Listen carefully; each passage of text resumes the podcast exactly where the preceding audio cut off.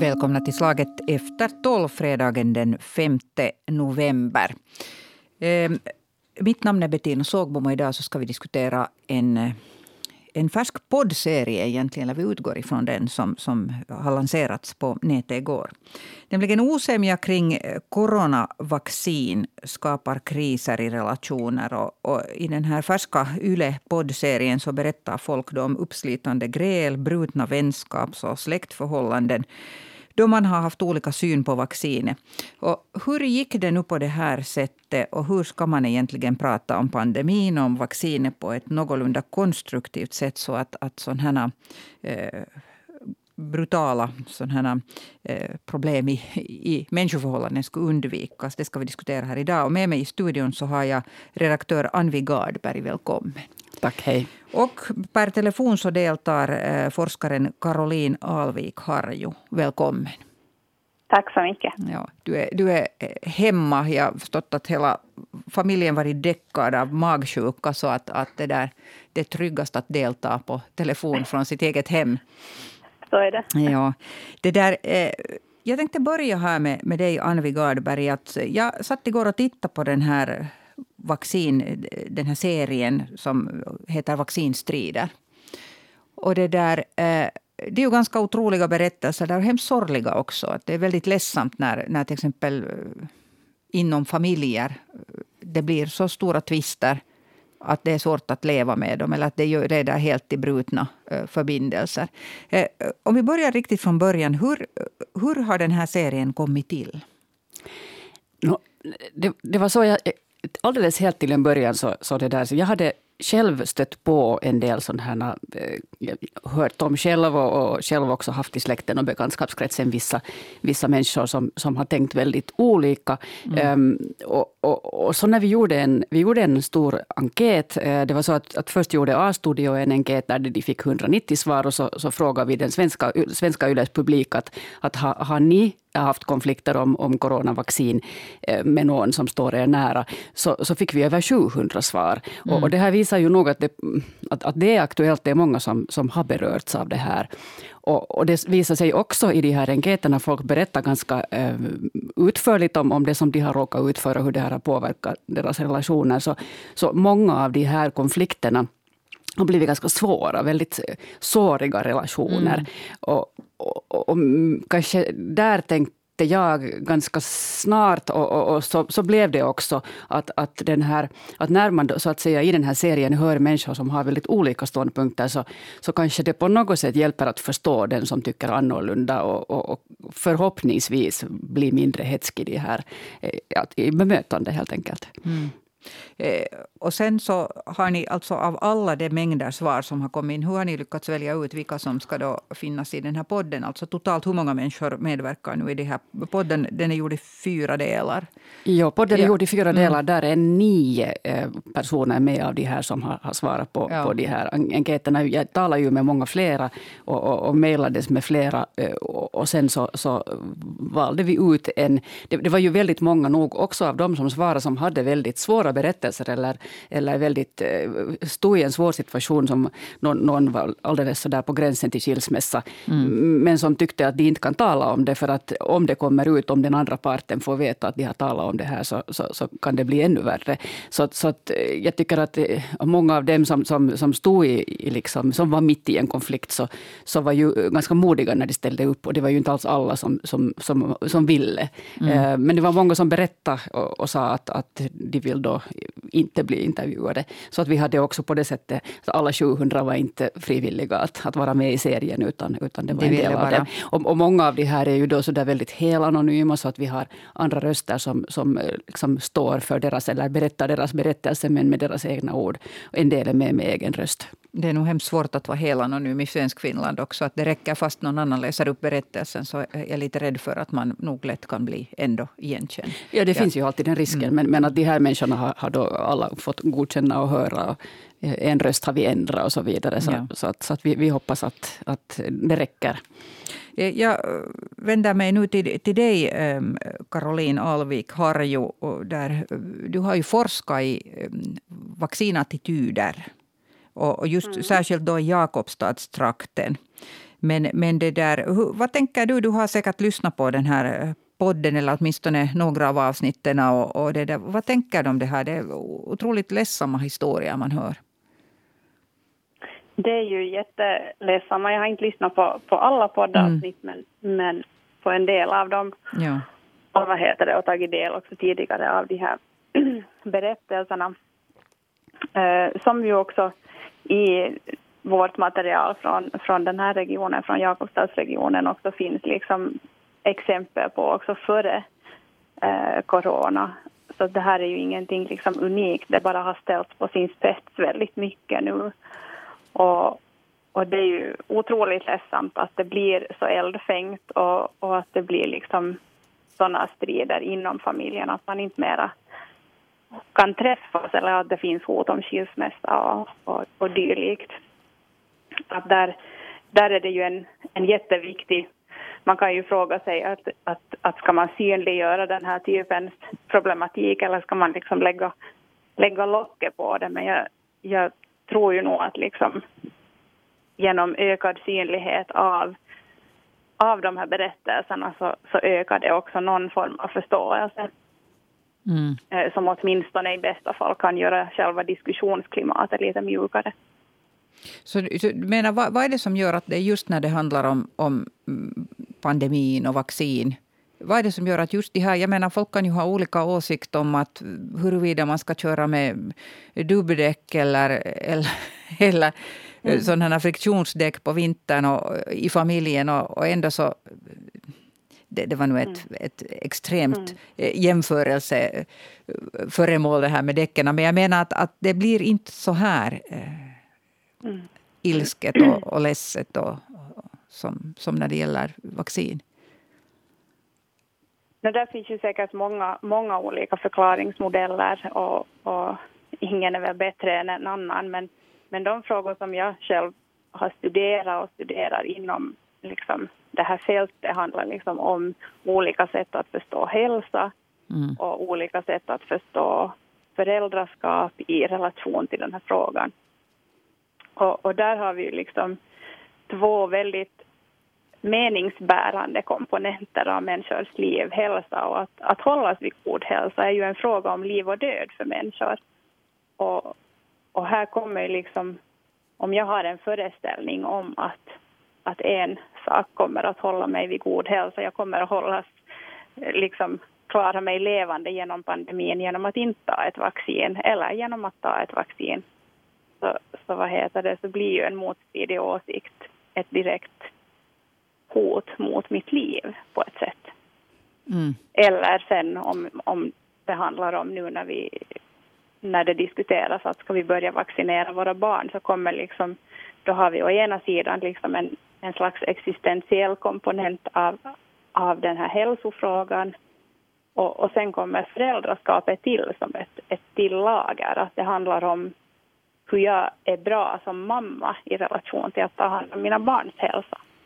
Mm. Och där blir det ju väldigt personligt och väldigt kört och väldigt sårbart för där står man liksom inför en, en slags moralisk utvärdering eh, när någon säger att det är ju idioti som du håller på med.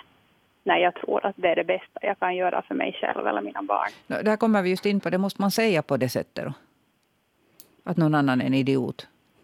För även om man skulle tycka det, alltså, det brukar ju sällan leda till, till någon att den andra slutar vara en idiot för den sakens skull, om det är det man tycker att den är.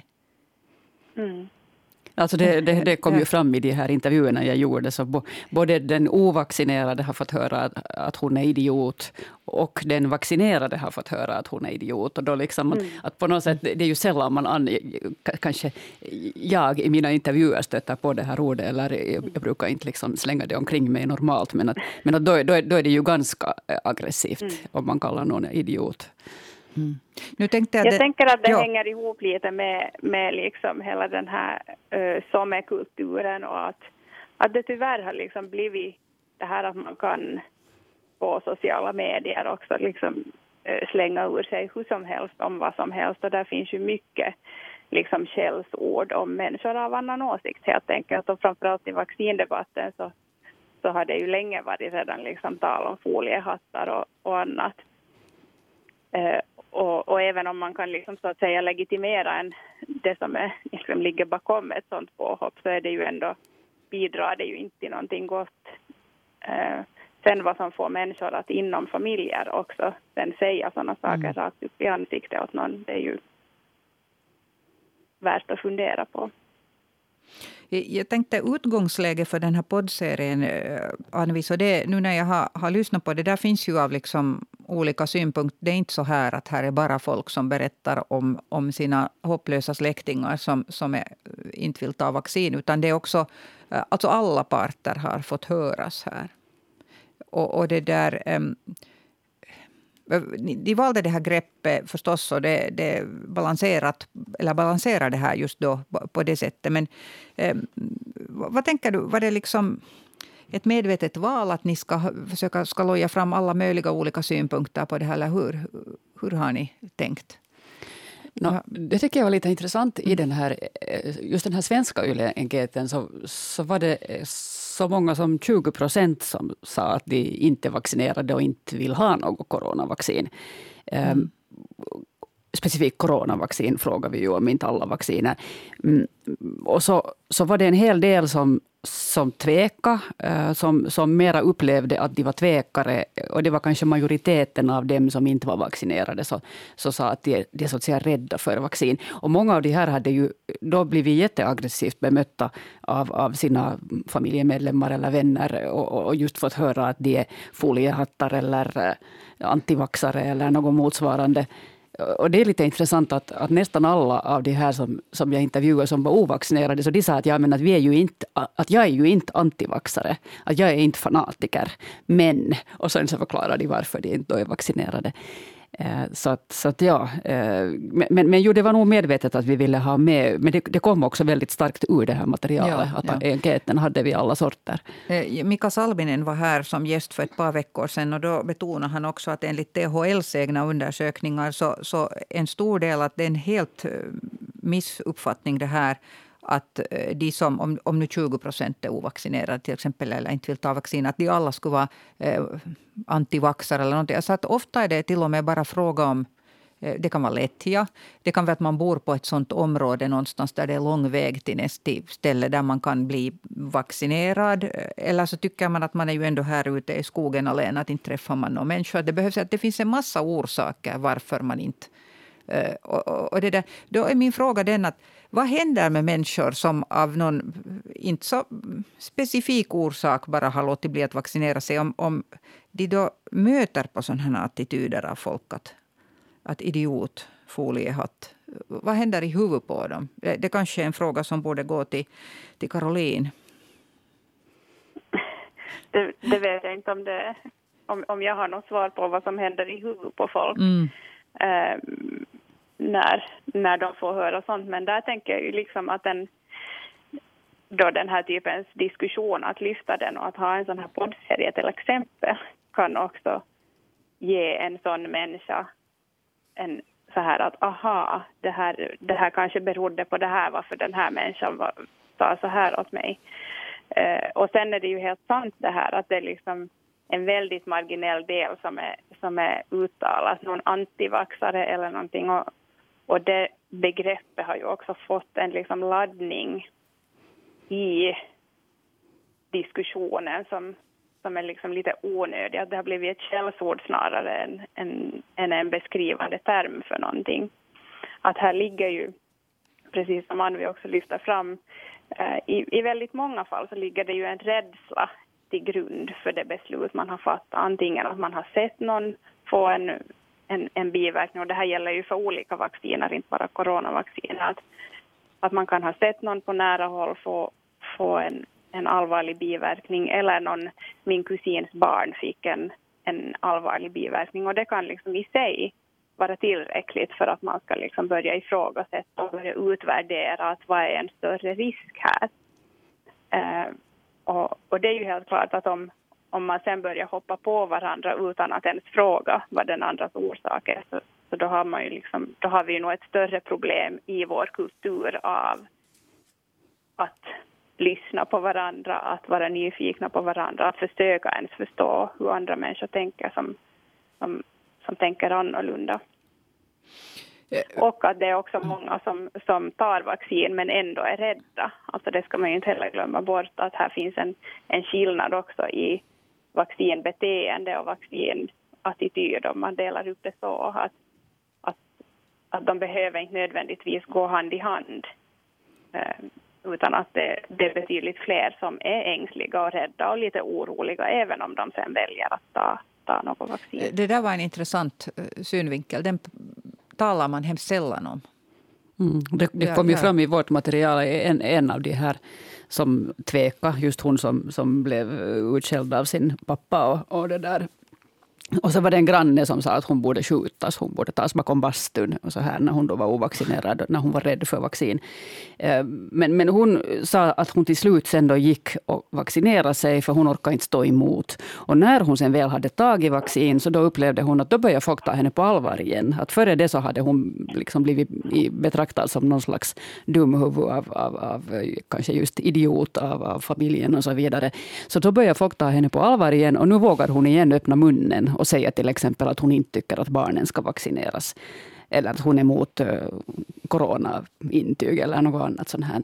Att, att, att, men många av de här som, som jag har intervjuat så har ju, pratar ju om det att, att, att de, har, de har så att säga blivit helt, de har slutat helt tala om det, att de är ovaccinerade för att de får så mycket, mycket elände över sig. Men, men det här är intressant. Vi lever då i en tid då, man, då folk ska gå omkring och berätta vad de får för, vad de har att jo, vaccinerad, ovaccinerad, kanske vaccinerad, vaccinerad en gång.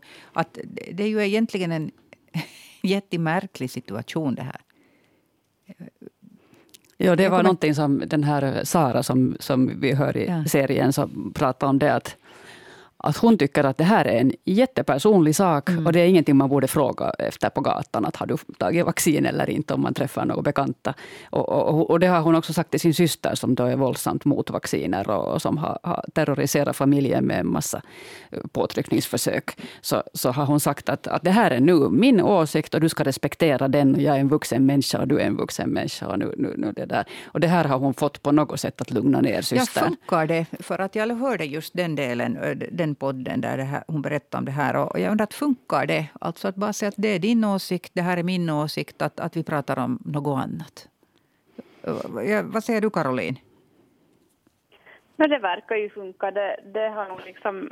Uh, det, de historier jag har träffat på i material som är insamlat före pandemin, så där finns också liksom exempel på där, där syskon helt enkelt har fått sluta. Man har liksom bannlyst den här frågan när man kommer samman som familj därför att annars blir det gräl.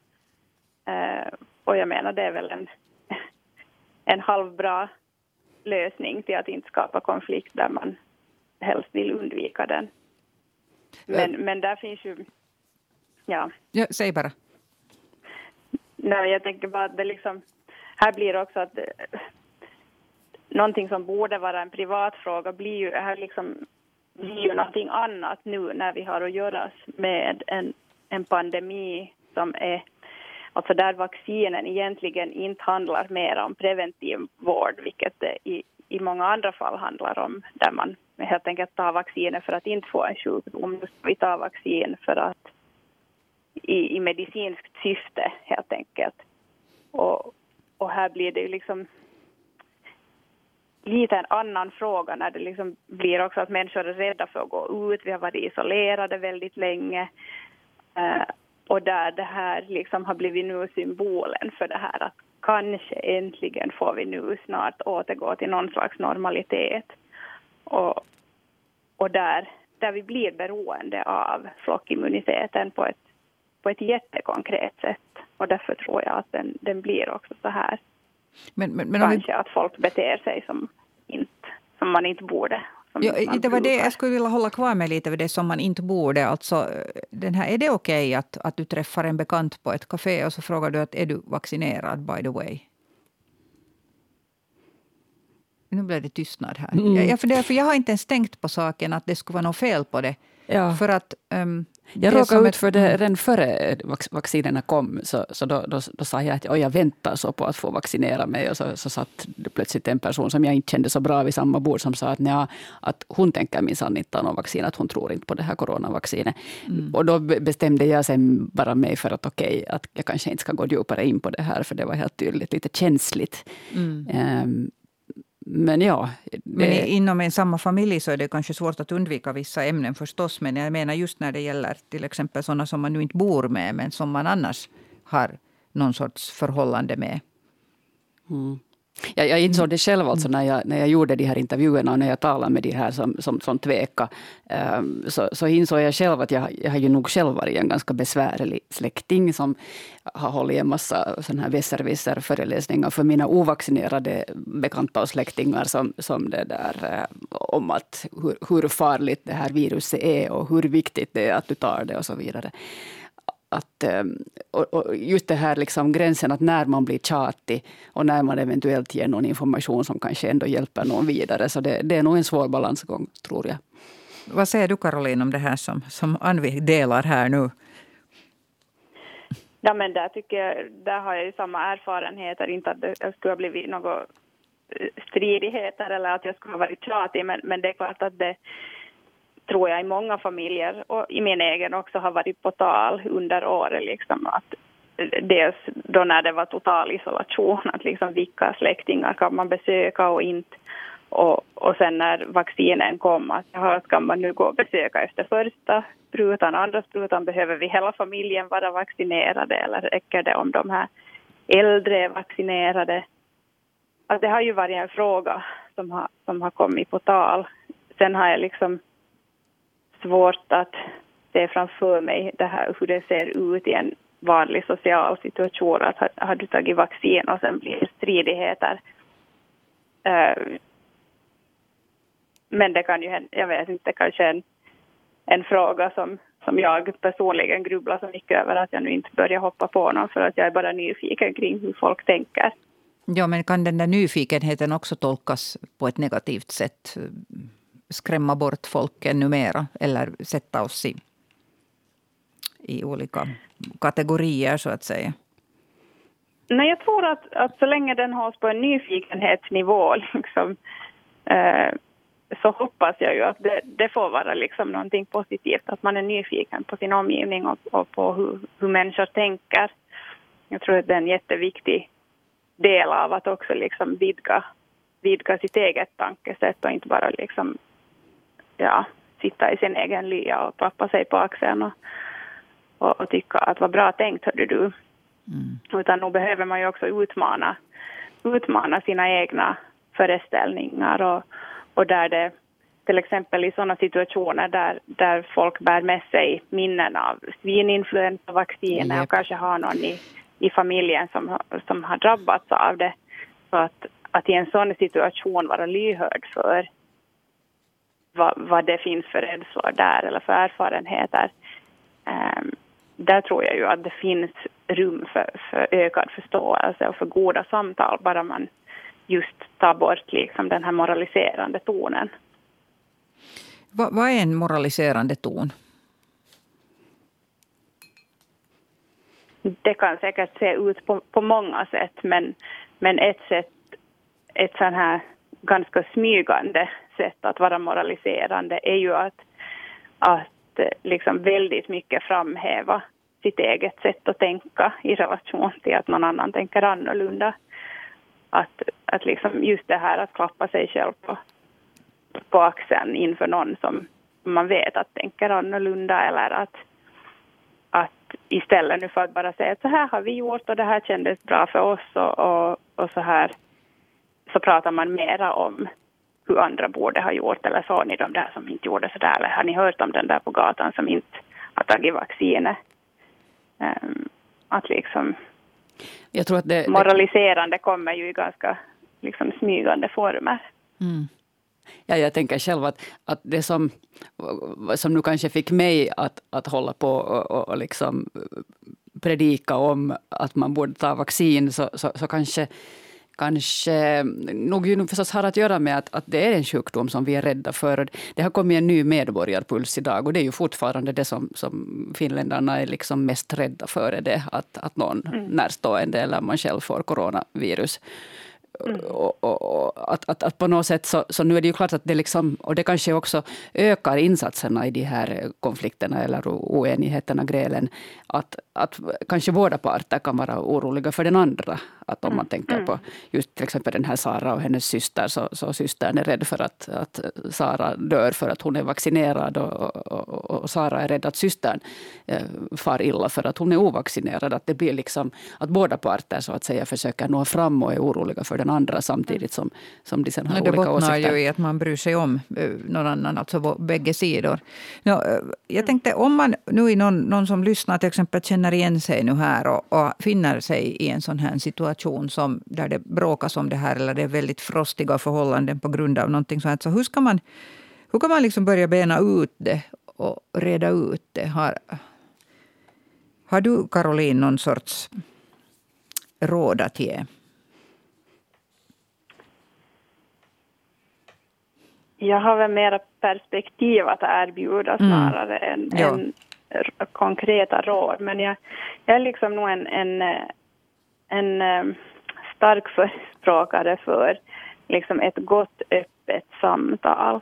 Och, och liksom just den här omsorgen som nu någon av er nämnde här också. Det handlar ju om det, det, det, finns bara ett sätt att komma ur den här pandemin till exempel och det är att tillsammans på något sätt hitta gemensamma lösningar, hitta gemensamma mål. Vi vill alla ur den. Och, och när man hittar liksom de gemensamma punkterna, de gemensamma liksom målbilderna så tror jag att det är lättare också sen att lyssna in även om andra, om man liksom ser vägen mot det här gemensamma som, som olika.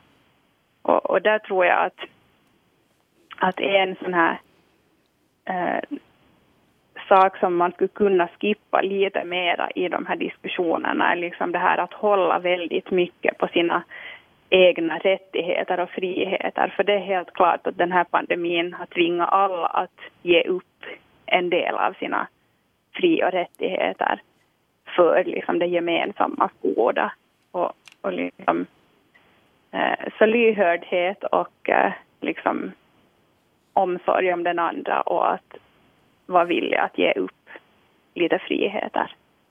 Det tror jag är liksom den här perspektiv man kan ha i åtanke när man möter någon som tänker annorlunda. Mm. Ja, kanske också det att man inte försöker omvända någon, att man på något sätt respekterar, övertala. övertala. Mm. Mm. Mm. Man hör ju också i den helt offentliga debatten och till och med på, alltså inte bara på social media utan också i, i riktig, ska vi säga, i media också ser rubriker som att, att de ovaccinerade håller resten av oss gisslan. Eh, och, och sånt här. Och det är ju väldigt starkt färgat språk. Jag tror att här finns massor med uppslag efter någon gång efter mm. tio år eller så för någon att när vi allt har lugnat ner sig hoppeligen att, att forska i det här. Att vad var det riktigt som hände? Mm. Men, men eh, jag har funderat någon gång på att, att med att läsa sådana rubriker till exempel så omvänder det verkligen någon att det, som nu tvekar att men jag går nu och tar vaccin då för inte vill jag hålla resten av mina liksom, medborgarna som gisslan. Eller gör det tvärtom, skuffar det någon ännu mera eh, till det Alltså ingen tycker ju om att bli manipulerad eller få en känsla av att eh, folk liksom bestämmer över en. Ja, vad tänker ni? Caroline?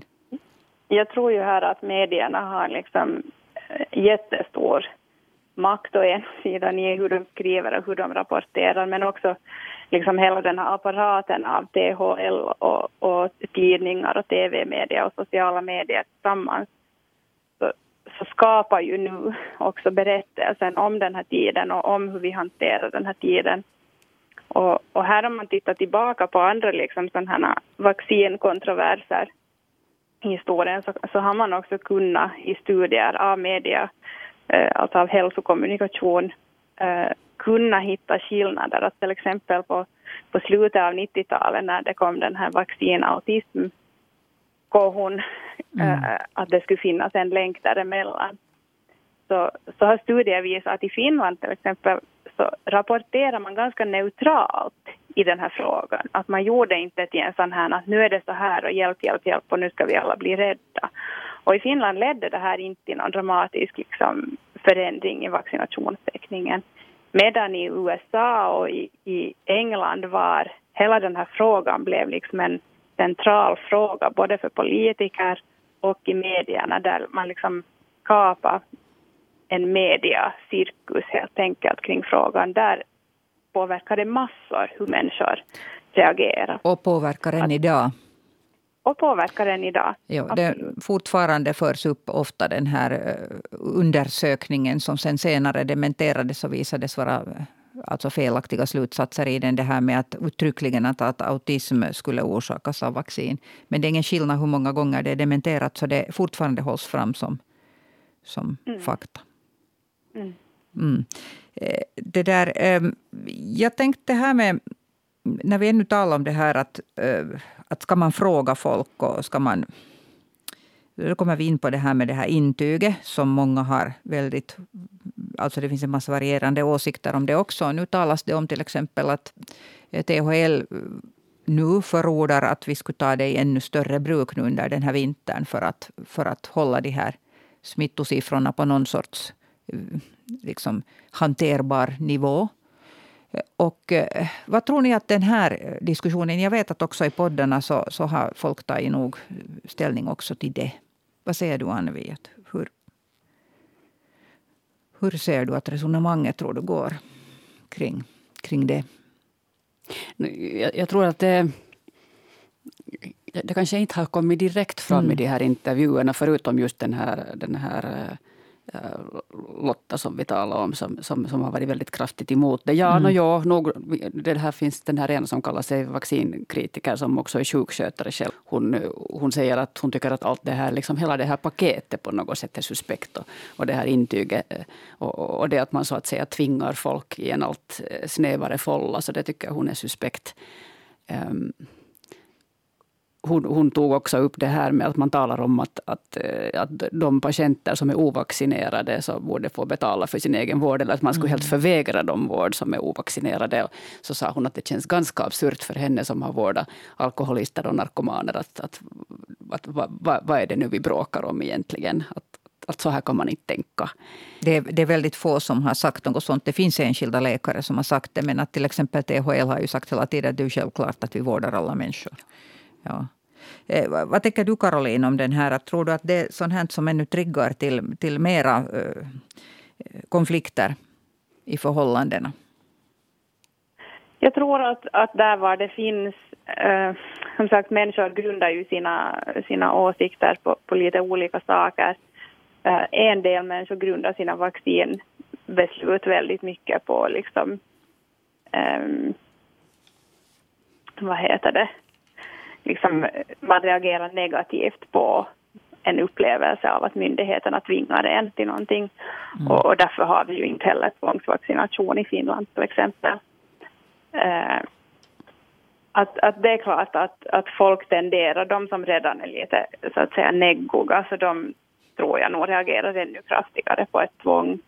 Och, och här kommer igen liksom lite det här som, som jag lyfter fram, att liksom det, det är många nu som upplever liksom att inte bara att det här pandemin är en hot mot deras hälsa utan att det, är liksom en, det här har blivit ett hot mot hela deras friheter och, och, och liv. Att man liksom försöker liksom klamra sig fast vid, vid rätten till att få leva som man vill på ett sätt och det blir själva liksom uttrycket. Alltså, fast man inte kanske menar att vara emot vaccinationer egentligen utan men, men det blir som en reaktion på att, att jag tänker inte minsann göra som de, som de säger att jag måste göra. Och, och här tänker jag att man är olika som människor. Vissa sällar sig väldigt enkelt till myndigheternas liksom rekommendationer och där har vi ju i Finland en väldigt stark tillit till myndigheter. Så det är ju också en marginell grupp människor som, som eh, uppleva upplever det så här. Men, men jag tror helt klart att det för en del människor kan skapa ytterligare friktion. Ja. Eh, tiden börjar ta slut här. Jag skulle eh, ännu vilja gärna berätta, de som nu har lyssnat på det här och funderat, okay, var kan man hitta en sån här poddserie? Så, så några ord om det ännu, Anvi Gardberg.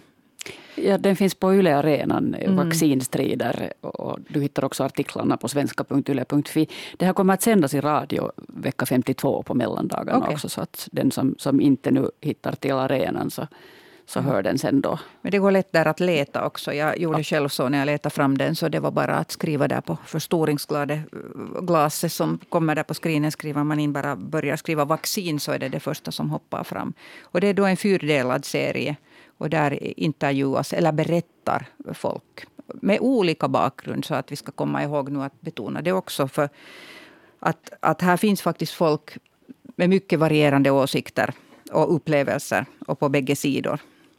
Om man nu ska säga att det är så svartvitt att det är två sidor. Jag skulle gärna alltid betona att det finns en gråzon också däremellan. Eh, tack Annevi Gardberg för att du deltog här idag. Tack också Caroline Alvik Harju. Och, och, det där, eh, ni ska alla ha ett riktigt skönt veckoslut. Så återkommer Slag efter tolv igen på måndag med nytt ämne, samma tid och samma kanal. Hej då.